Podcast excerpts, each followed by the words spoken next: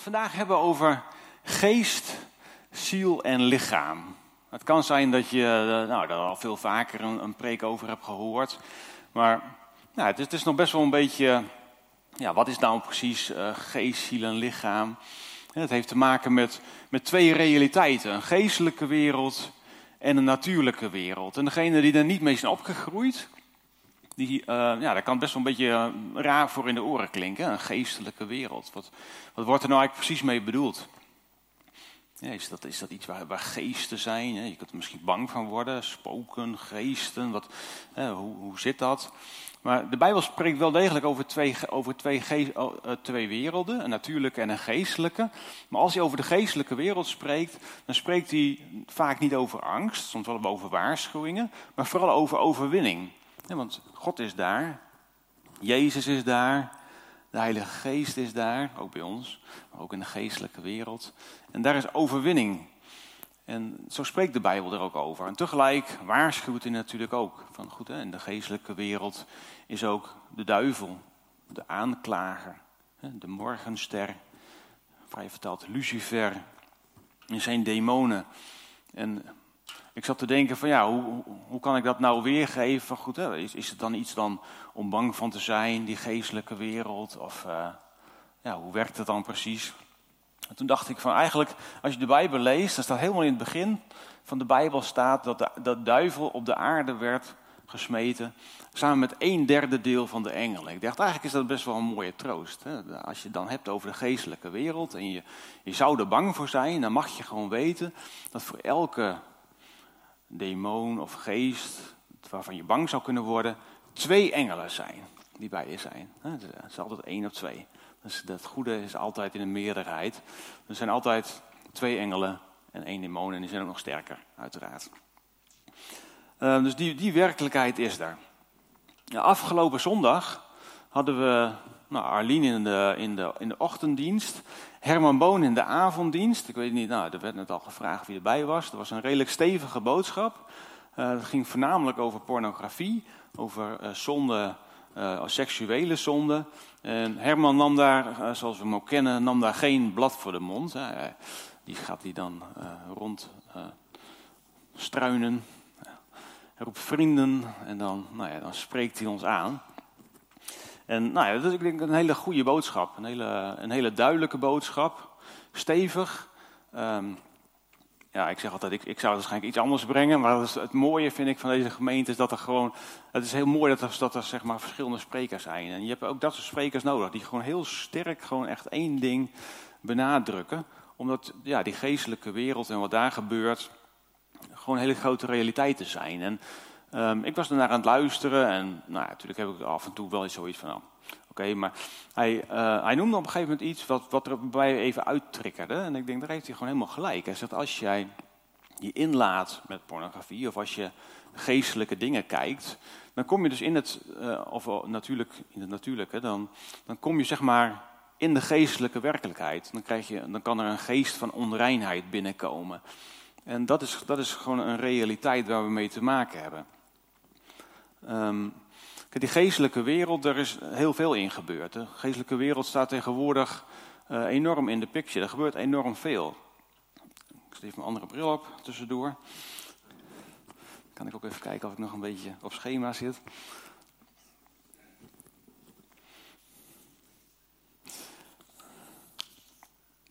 Want in die geestelijke wereld gebeurt enorm veel. Israël was afgelopen tijd in het nieuws. Israël is het volk van God. Daar, is enorm veel om te doen. En die werd aangeklaagd van genocide door Zuid-Afrika. Ik weet niet wie dat mee heeft gekregen. Ik denk de meeste wel. Um, nou, er, er, is een, een, tussen, een tussenvonnis. En gisteren werd er um, wereldwijd om 12 uur, 12 minuten voor Israël gebeden. En ja, voor het volk, voor de, nou, allerlei gebedspunten die, daar, die daaromheen waren. En als er zeg maar wereldwijd wordt gebeden, dat is in het natuurlijke, dan gebeurt er iets in de geestelijke wereld. Nou, daaraan gekoppeld hebben de kerken in Nederland, ik weet niet precies hoe het wereldwijd zit, hebben de, gebedsweek, hebben de gebedsweek. En er is enorm veel gebeden afgelopen tijd en gevast. En uh, dan maakt het niet zoveel uit, of nou, uh, dat, dat, of, we dat nou, of jij er nou ook per se zelf aan mee hebt gedaan, daar hoef je niet schuldig over te voelen. Maar het gaat erom, dat hebben we als gemeente gedaan. Dat hebben we als kerken in Nederland gedaan. We zijn naar God toegegaan, we zijn op onze knieën gegaan, ieder op je eigen manier. De een wat meer tijd dan de ander, dat maakt niet uit. Maar we hebben onze knieën gebogen, we hebben onze handen gevouwen. We hebben misschien eten laten staan, we hebben misschien een tijd geen uh, social media gekeken. Iedereen heeft op zijn eigen manier de invulling aangegeven. En we hebben God aandacht, we hebben tegen God gezegd van, ja, hier moet een stop in komen. En wij, willen, wij gaan op onze op uw beloftes gaan we staan. En als dat in een natuurlijke wereld gebeurt, dan gaat er in de geestelijke wereld iets gebeuren. En ik was net bij de gebedsdienst en ik hoorde ook, uh, ik ben niet bij alle uh, gebedsavonden geweest, maar ik hoorde dat er soms wel 27 man waren. En toen moest ik ook heel even denken aan Herman Boon, die dan hier rondliep. En die had een hele toegespitste boodschap, wat heel goed was. Maar hij zei ook op een gegeven moment, uh, ja, hij voelde een soort lauwheid. En ik, eigenlijk het eerste wat ik dacht was, ja, als ik rondkeek, een vijfde deel van wat hier zit is maar van onze gemeente. En, um, en toen moest ik echt even denken, ook vanmorgen, ik, ik voel dat heel erg. Als ik dan hoor hoe er gebeden wordt, um, dan dat we gewoon met elkaar op de knieën gaan. Dat er op die gebedsavonden 27 man zijn, dat er uh, profetieën worden uitgesproken. Dan zijn wij niet lauw dan is het Gods gemeente. En, en dat zijn dat woorden die over ons worden uitgesproken, waar we ook van mogen zeggen van, maar dit is Gods gemeente. Dit is Gods gemeente. En als wij hier vechten op onze knieën, zoals we ook gezongen hebben, dan is God daar blij mee. En dan ziet God uh, dat we als gemeente aan het opstaan zijn. Ik denk dat we dat ook als bemoediging mee mogen nemen. Die woorden mogen verbreken. We zijn geen lauwe gemeente. We zijn een gemeente die opstaan. In de naam van, van Jezus. En God is aan het werk hier. En natuurlijk, er moet herstel plaatsvinden. Er moet vergeving worden geschonken. Er moet opleving plaatsvinden. Misschien moet er in je eigen leven spullen worden opgeruimd. Maar God is hier aan het werk. En het is heel goed om dat um, nou, wel voor ogen te houden. Dat zeg maar, ook als je jezelf zwak voelt, ook als, als je zelf nog niet volmaakt bent, ook als je denkt van ja goed, ik heb uh, in de gebedsweek misschien uh, niet gedaan wat ik mezelf had voorgenomen, Um, die woorden die jou worden ingefluisterd, dat, dat, zijn, dat is niet wat God jou influistert. God zegt van de tijd die jij erin hebt gespendeerd, ja, daar ben ik blij mee. Dat zijn jouw de eerste stappen die jij aan het zetten bent. En ik denk dat, wel, daar, dat ik jullie daar ook mee mogen bemoedigen. Dat we ja, mogen gaan bidden, strijden op onze knieën. En al die dingen die gebeuren in de geestelijke wereld, ja, daarin was ik met mijn preek bezig. En nou, ik had wel heel duidelijk um, doorgekregen. We gaan het over geest, ziel en lichaam hebben. Um, nou ja, op zich is dat natuurlijk een, heel, een hele mooie, um, een heel mooi iets. om het over geest, ziel en lichaam te hebben, omdat dat natuurlijk heel mooi aansluit hierbij. even kijken, waar ben ik? Ja, de, het onderwijs daarover is essentieel, zeer belangrijk. Voor degene dat een moeilijk woord vinden. En uh, nou ja, wat is het nou precies, geest, ziel en lichaam? Waar komt dat vandaan? Heb je dat zelf verzonnen? Of, uh, dat wordt wel vaker genoemd. Maar uiteraard komt het uit de Bijbel, ik verzin het niet zelf. En daarvoor gaan we even naar 1 Thessalonicense 5, vers 18 tot 24. Nou, als je dat leest, is dat heel veel in. Daar staat, uh, dank God. Ik heb trouwens de NBV 21 een keer voor de verandering genomen. Laatst gekregen voor Sinterklaas. Dank God onder alle omstandigheden. Want dat is wat Hij van u, die één bent met Christus Jezus, verlangt. We zijn één met Jezus Christus, staat hier al. Nou. Doof de geest niet uit en heb geen minachting voor profetieën. Onderzoek alles, behoud het goede en vermijd alle kwaad, in welke vorm dan ook. Mogen de God van de vrede uw leven geheel, dus geheel en al heiligen, is apart zetten. En mogen heel uw geest, ziel en lichaam zuiver bewaard zijn bij de komst van onze Heer Jezus Christus. Hij die u roept is trouw en komt zijn belofte na. Nou, je ziet dus een van de teksten waarin geest, ziel en lichaam wordt genoemd. Um, natuurlijk, uh, mens heeft het vaak over uh, ziel en lichaam. Als je, wij uh, kennen, vanuit de Bijbel weten wij dat het geest, ziel en lichaam is. Dat zijn drie onderdelen. De, zeggen, sommigen zeggen ook wel eens lichaam, lichaam, ziel en geest, maar dat is niet hoe de Bijbel het leert. De Bijbel zegt, je bent een geest, we hebben een ziel en we wonen in een lichaam. Nog een keer zeggen, je bent een geest, dat zie je niet als je in de spiegel kijkt. Je hebt een ziel en we wonen in een lichaam en dat is hoe God het ziet. Want we lijken op Hem. In Genesis staat dat God de, beeld, de mens naar zijn evenbeeld, naar zijn gelijkenis heeft gemaakt. We lijken op God. Nou, en wie is, wie is God in dit geval? Nou, Hebreeën is daar bijvoorbeeld heel erg duidelijk over.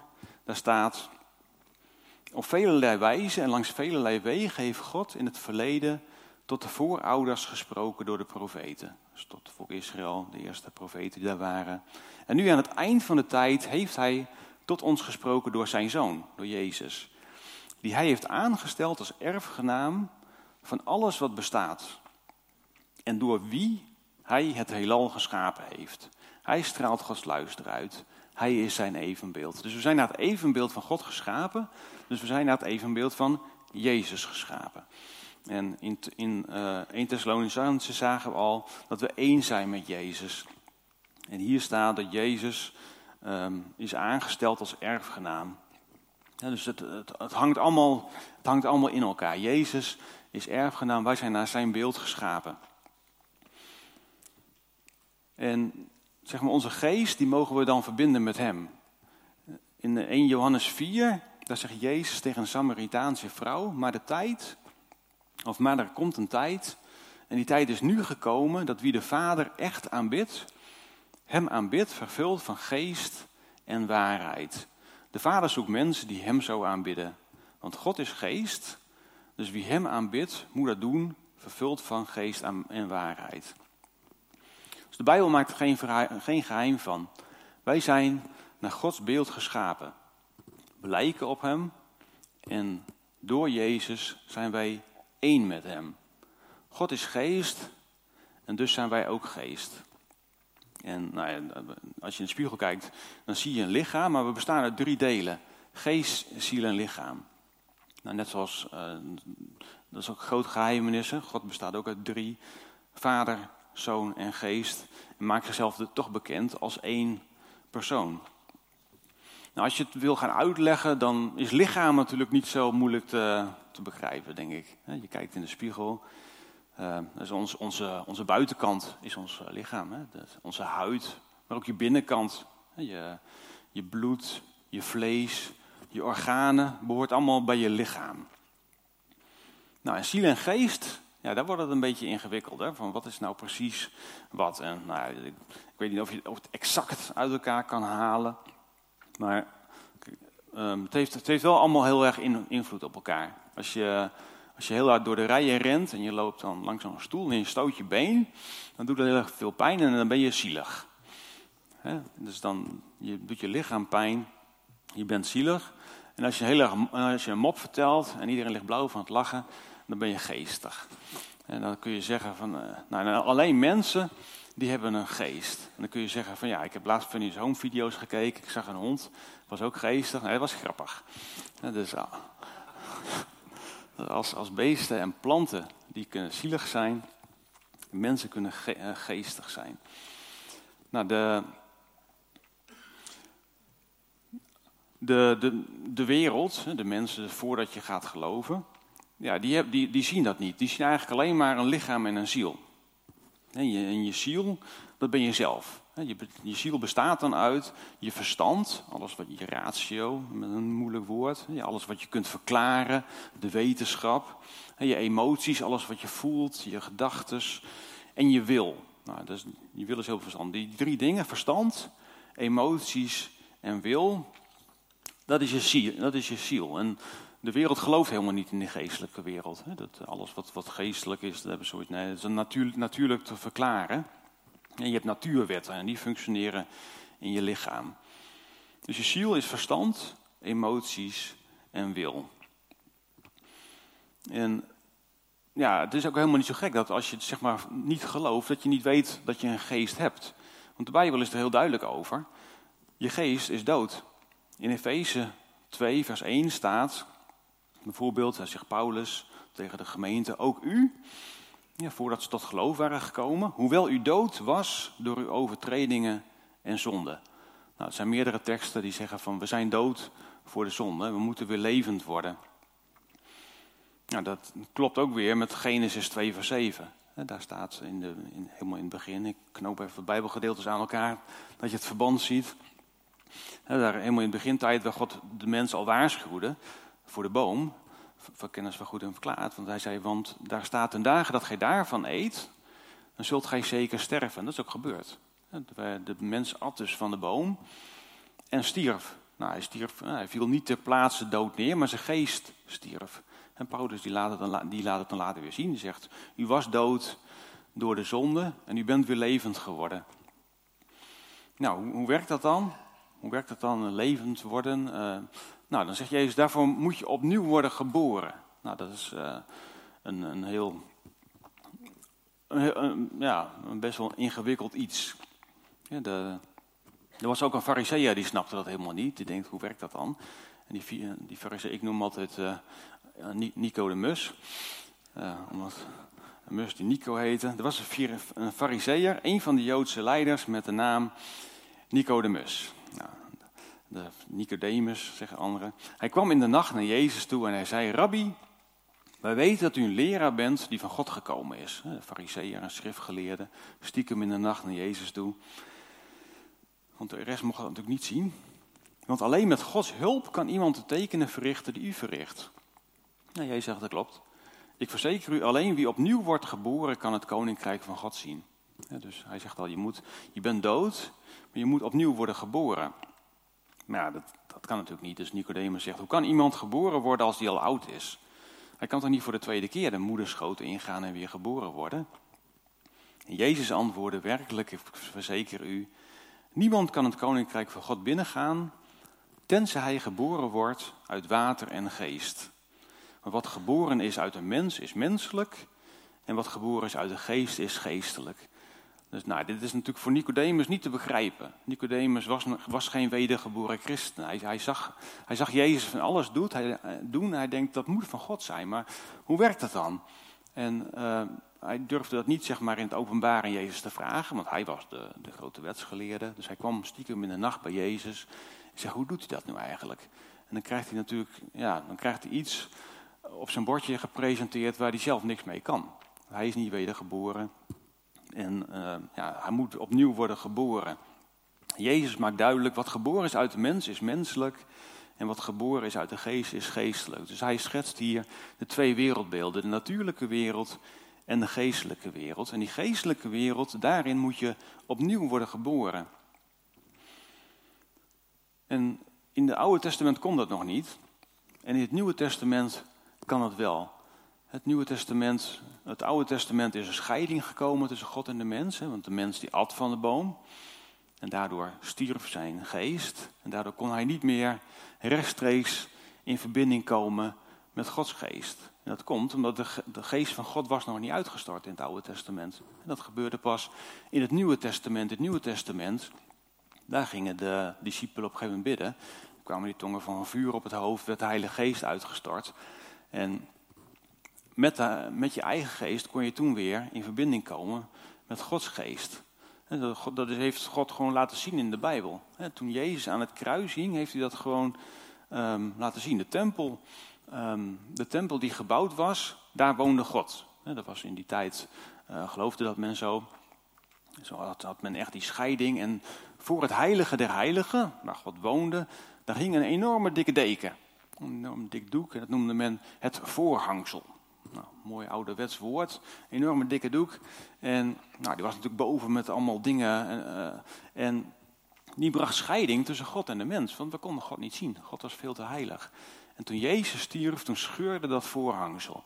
Waarmee God liet zien, van boven naar beneden, dat is nou weer anders. Dat, dat, dat was ook wel extra moeilijk. Daarmee kon je zien dat God het echt deed. Maar eigenlijk door dat te laten zien, liet God zien van er is weer toegang voor de mens tot God. De Heilige Geest werd uitgestort en de mens kon weer wederom worden geboren. We konden overgebracht worden naar ja, de geestelijke wereld, zodat onze geest opnieuw geboren kon worden en zich kon verbinden met Gods geest, zodat we ook de werkelijkheid van God. En als dat gebeurt, ja, dan gebeurt er echt dan gebeurt er iets. Ja, dat, je, kunt het, je kunt het gewoon niet echt onder woorden brengen. Daarom sta ik hier nou een beetje te stotteren. Dat, ehm, als, als, je wordt, als je wederom wordt geboren, dan komt je geest, in dan komt je geest tot leven. Je wordt een nieuw mens. Je krijgt een nieuw hart, wordt er ook wel gezegd. En er gaat een wereld voor je open. Ik zat laatst een boek te lezen, ik heb het even meegenomen. Dat, dat heet De Ziener. Nou, dat is een, uh, voor sommige mensen vinden dat misschien een beetje een, zou het een zweverig boek vinden.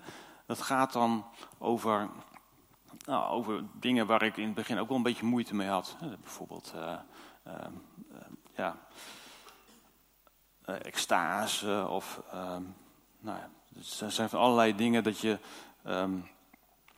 Dat je, dat je jouw geest met Gods geest verbindt in dromen. En, maar als je, als je dat leest, dan, dan wordt er uiteraard ook gewaarschuwd. Dat is ook wel een gevaarlijke wereld. Maar die wereld is, wel, is daadwerkelijk wel aanwezig. En zeg maar de profetieën, profeteren, dat kunnen we ook alleen maar doen als onze geest opnieuw geboren is. Dus die wedergeboorte is heel belangrijk. En um, nou, dit boek heet dan de Ziener. Dus we kunnen, als we wederom worden geboren, dan pas kunnen we gaan zien in de geestelijke wereld. Nou, die geestelijke wereld, um, ja, die noemt Paulus, of de, dat zijn dan op een gegeven moment twee werelden, hè, de, de, de natuurlijke wereld en de geestelijke wereld. En onze, onze geest is tot leven gekomen, we zitten nou in die geestelijke wereld, maar ons lichaam zit nog in de natuurlijke wereld. En daar hebben we best wel last van, want we lopen hier gewoon nog rond. De zonde trekt aan ons en ja, we zondigen. En Paulus noemt dat uh, ons vlees, ons vlees zondag dan. Die maakt ervan, we hebben vlees en geest. En onze vlees, ons vlees, dus alles wat onze, ja, onze ziel, hè, onze emoties, ons verstand, die trekt ons van, van God af. Dus ja, we zijn heilig, voor God apart gezet om mooie dingen te doen. Maar ja, we voelen nog steeds die aantrekkingskracht van het donker. En die tweedeling zou je ook kunnen zeggen van goed, oké, we hebben dus geest en lichaam. De geest is veel belangrijker. Ik ga me helemaal focussen op mijn geest. En mijn lichaam kan ik dus kennelijk, um, ja, hoef ik niet zoveel aandacht aan te, aan te besteden. Maar dat is niet hoe God, het, hoe God het ziet. Die zegt nee, die drie, die drie eenheid, je geest, ziel en lichaam, die horen bij elkaar. Die hebben direct heeft dat um, met elkaar te maken. Met andere woorden, als je je lichaam niet goed verzorgt, dan heeft dat gevolgen voor je geest. Want je krijgt misschien een gevoel dat je niet goed bent. Als je, als je zondigt, als je, als je toegeeft aan je vlees, als je denkt aan de preek van Herman Boon, onreine dingen bekijkt, dan, zegt, dan, zegt, dan zie je dus met je ogen verkeerde dingen. En je geest die zegt dan van, oh, Kijk, dat heb jij gedaan. Die gaat je aanklagen. Dus je vlees, eh, ja, die trekt enorm aan je. En je kunt dat dus niet uit elkaar houden. En, en je lichaam is op dat moment een tempel van de Heilige Geest geworden. En daarom is dat zo belangrijk. Nou, de, uh, je, de, je ziel die moet je dus eigenlijk gaan trainen. Omdat je, we hebben heel erg lang hebben we ons Um, zijn we nog uh, voor onze wedergeboorte, moet ik zeggen. Voor onze wedergeboorte waren we ons dus niet bewust van onze geest. Na onze wedergeboorte is onze geest um, wedergeboren en kan hij zich verbinden aan God. Maar ja, je hebt nog steeds je verstand, je emoties en je wil. En die, nou, die, die trekken nog steeds aan je, die trekken je van God af. Je verstand die zegt soms dingen waarvan je zegt van, nou, is dat wel waar? En je emoties en, je, en vooral je wil, um, ja, gaat soms tegen God in. En die moeten we trainen. En als ik dan denk aan wat de afgelopen tijd is gebeurd met, uh, nou, met het bidden en vasten, dat is bijvoorbeeld iets waarvan je kunt zeggen van nou, dat is iets heel duidelijks. Hè? De, de oproep voor het vasten is een aantal keren heel duidelijk in onze gemeente uh, opgekomen. En dat komt omdat we onze wil moeten trainen om je ja, op, op God te richten. En dat is niet iets wat opeens maar zomaar gebeurt. En alles wat we gaan doen, daar worden we van God afgetrokken. Maar we, we, krijgen wel al meer overwinningen. En als je geest overwinningen gaat, halen, daar staan in Gelaten 5 staat er een heel rijtje van. dan wordt er al meer liefde, vreugde, vrede, ehm, komt er over je. Nou, die tegenstellingen dus tussen vlees en geest, die, nou ja, waar moet je bijvoorbeeld aan denken? Nou, je kunt bijvoorbeeld aan de, aan de wet denken. Als je heel erg houdt aan de wet, of je, kunt, of je gaat meer op de genade zitten. En dan kun je zeggen, de wet is uit het vlees, de genade is uit de geest. Als je, wil, als je het zelf wil verdienen, dan ga je werken voor God. Dat is niet de bedoeling. Je, gaat, eh, je moet de vrucht van de geest ga je omarmen. Nou, wij zijn geroepen om in de geest te wandelen. En iemand vindt dat niet leuk in de geestelijke wereld en we weten wie dat is. Dus we moeten ons verstand moeten we op God afstemmen. Onze verstand, dat is dus je verstand moet je afstemmen, je emotie moet je afstemmen en je wil moet je afstemmen. En nou ja, ik moet zeggen, toen ik met deze preek bezig ging uh, en, zondagavond bij de preek voor de Herman zat, toen, uh, ja, toen, toen hoorde ik, nou bijna, bijna hoorbaar hoorde ik God tegen mij zeggen van laat dit moment niet voorbij gaan. En ik dacht van ja, uh, ik, Herman die uh, was ook bezig, hè, die, die had een preek dan over, over reinheid, over, uh, over stappen zetten. Je kon opstaan. Ik denk van, hij had zijn boodschap, een hele goede boodschap, een hele krachtige boodschap. En ja, daar, moet een vervolg aan worden gegeven. En nou ja, dat, ik denk zelf dat, je dat, het breder, um, dat we dat breder, breder mogen trekken. Maar ik denk wel dat het belangrijk is dat we dat moment niet voorbij laten gaan. Omdat momenten, dat zijn momenten waarvan je kunt zeggen van goed, ik ga nu een stap zetten. En we zitten nu op een moment dat we zeggen, er gebeurt heel veel in de, in de geestelijke wereld waar ik mee begon. Israël, daar gebeurt heel erg veel mee. Eh, de gebedsweek gebeurt enorm veel mee. Onze gemeente gebeurt heel erg veel mee. En we, ja, ik denk dat God ons oproept om stappen te gaan zetten. En die stappen die kunnen op heel veel terreinen zijn. We, zijn, we schieten op heel veel terreinen tekort. En nou ja, misschien zeg je van, ja, ik, doe, ik doe het eigenlijk best wel goed. Ik ben in, in heel veel plekken heb ik ook heel, hele goede stappen gezet. Maar het kan natuurlijk heel breed zijn. En daarom, eh, ja, Herman die zegt ook heel duidelijk van je moet uh, ergens mee afrekenen. En nou ja, dan, anders kan er een, een, geest van onreinheid binnenkomen. Maar het is natuurlijk veel breder. De, de, de Bijbel leert bijvoorbeeld ook dat, je, dat geld een afgod van je kan zijn. Ja, hij noemt dat de mammon. Ik zat ook al te denken, waarom, uh, als dat geen geest is, de mammon, waarom zou je het in vredesnaam een naam geven?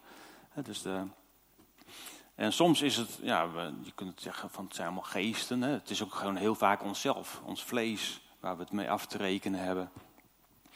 En nou ja, voor de een is het geld, voor de ander is het onreinheid, voor de ander is het zijn carrière, voor de ander is het angst. Iedereen heeft wel punt in zijn leven van die zegt van goed, dat houdt mij van God af. En ik denk dat dat het belangrijkste is, dat gewoon die geestelijke wereld, je geest, die wil zich zo graag verbinden aan Gods geest. En er zit van alles tussen. Er zit ruis op de lijn. En nou, voor iedereen, iedereen heeft daarin zijn eigen stappen te zetten. Zijn eigen stappen waarin hij zegt van goed, ik ga hiermee afrekenen. Dat mag ook gewoon stapje voor stapje. Het is niet zo dat ehm, als je onreinheid in je leven hebt en je neemt vandaag daar een stap in, dat het morgen voorbij is. Omdat dat soort dingen, dat, die, ja, dat, dat zijn vaak ehm, van die ingesleten dingen die een langere tijd nodig hebben. Als je last hebt van verslaving, ja, dan zul je echt een traject van verslavingszorg of een begeleiding daarin in moeten gaan. Uh, en vaak is het dan een, gebed of een stap die je zet, die helpt je dan de eerste week door om dan uh, daarin stappen te gaan zetten. Dat, en dat is net hetzelfde als je nou, met je carrière zit. En je vindt het heel belangrijk. Tuurlijk, carrière is ook belangrijk. Je mag hier in de geestelijke of in de natuurlijke wereld mag je stappen zetten. Uh, God geniet er ook van als je, je als je je talenten gebruikt. Maar dat mag je in je totale breedte doen. En ja, we mogen keer op keer mogen we stappen gaan zetten.